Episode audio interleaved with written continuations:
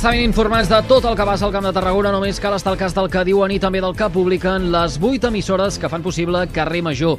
És divendres 26 de maig de 2023 i això és l'Infotarda Daily. Anna Plaça, bona tarda. Explica'ns, si us plau, què tenim avui en portada. Doncs avui destacarem la nova jornada de problemes en la circulació ferroviària al Camp de Tarragona. En aquest cas, les incidències han derivat d'un robatori de cable de coure entre Tarragona i Torredembarra, segons s'ha informat a DIF aquest matí. El cable corresponia al sistema de senyalització i està provocant retards de més de 20 minuts en els trens de les línies regionals i de rodalies que cobreixen el nostre territori. Seguirem ben atents tota aquesta informació. Més coses, el Tribunal de Contractes admet dos recursos per defectes de forma en la publicació del contracte de la brossa de Tarragona. Doncs un nou entrebanc en aquest eh, procés de licitació d'un dels contractes més importants, per no dir el més important que té qualsevol ajuntament. En aquest cas, els recursos a la licitació del contracte de la brossa l'han presentat al comitè d'empresa i també l'empresa Esmatza.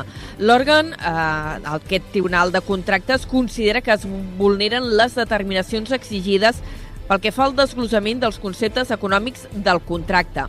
Per això el tribunal reclama que es publiquin en la mateixa convocatòria de licitació aquests detalls que ara creuen que falten.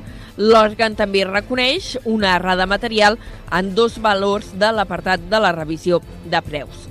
A través d'un comunicat, l'Ajuntament ha assegurat que els seus equips tècnics i jurídics estan avaluant aquesta resolució del Tribunal Català de Contractes i, a més, ha apuntat que d'entrada la documentació requerida ja consta a l'expedient que va passar per ple. Carrer Major, la proximitat del Camp de Tarragona. La comunitat de regants de Riu de Canyes utilitzarà l'excedent d'aigua del Molinet de Reus per salvar els avellaners. Ho han acordat el Departament d'Acció Climàtica, la comunitat de regants del Molinet i la de Riu de Canyes a una reunió que s'ha celebrat aquesta mateixa setmana. El gerent dels regants de Riu de Canyes, en Miquel Àngels Prats, ha celebrat aquest acord, si bé encara no s'ha concretat com es materialitzarà aquest sistema de rec d'emergència, ni el calendari de les obres per poder connectar les dues xarxes. Bueno, clar, haurem de connectar la, les dues comunitats, per dir-ho d'alguna manera, no?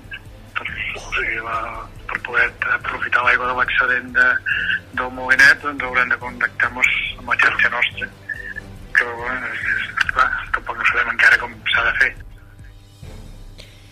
Doncs eren les eh, primeres paraules de valoració del president de la comunitat de regants de Riu de Canyes.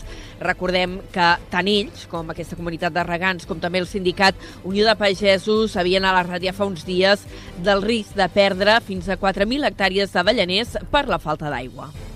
Més coses. A Tarragona Ciutat, mig miler de veïns dels barris marítims de Tarragona diuen prou a les inundacions i exigeixen solucions definitives.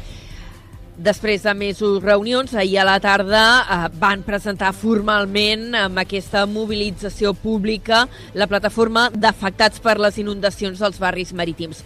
Segons el president del nou col·lectiu, en, Jorge, en Jorge Llustres, l'objectiu és unir esforços per exigir un projecte amb cara i ulls que solucioni els problemes de clavegaram i que els veïns no hagin de conviure amb aigües fluvials i fecals dues o tres vegades a l'any quan hi ha pluges fortes. No demanem solucions d'autoprotecció com ens proposen, ja que fa molts anys que intentem pels nostres mitjans posar solucions als nostres habitatges per tal d'evitar que, els que les aigües fecals i pluvials entrin als nostres garatges, a les nostres cases i deixen tot el barri amb una pudor insuportable no apta per a la, per a la salut de ningú han fet sentir la seva veu doncs, en plena precampanya, a tres dies de les eleccions municipals tenint en compte però que és un moviment que es va començar a gestar ja fa uns mesos arran dels problemes que va provocar l'aiguat de Santa Tecla.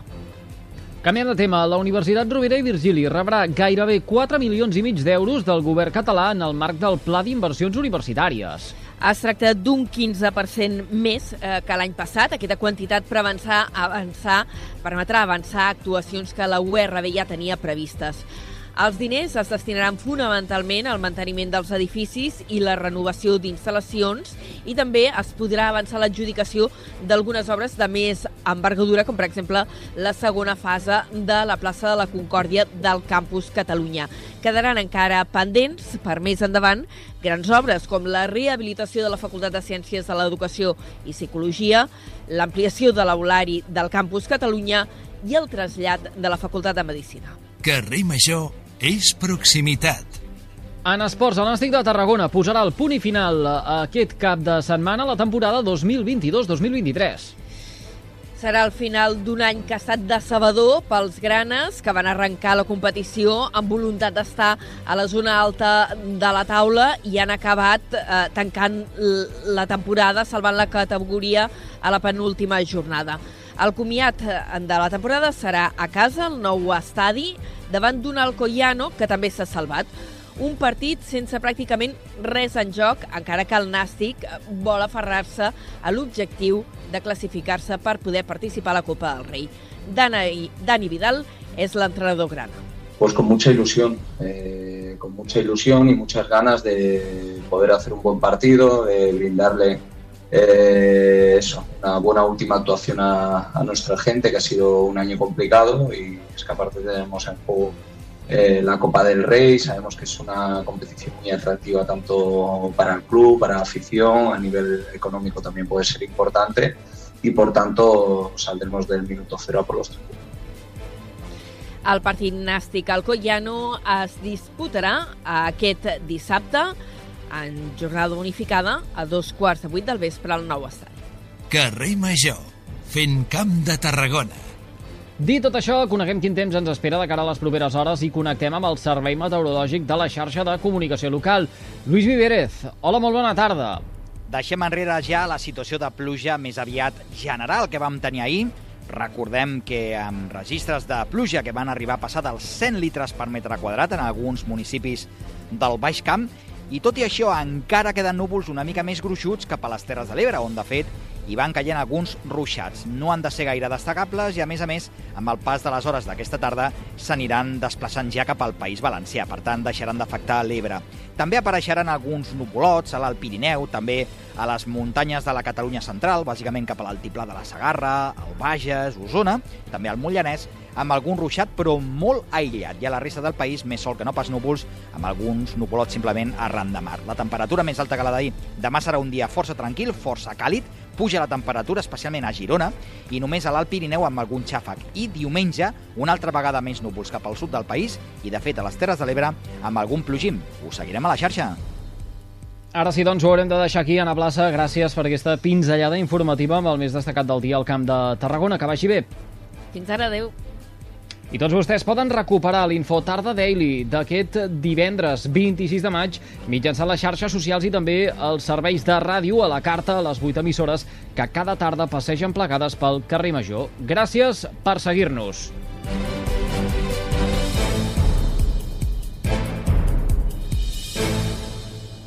Carrer Major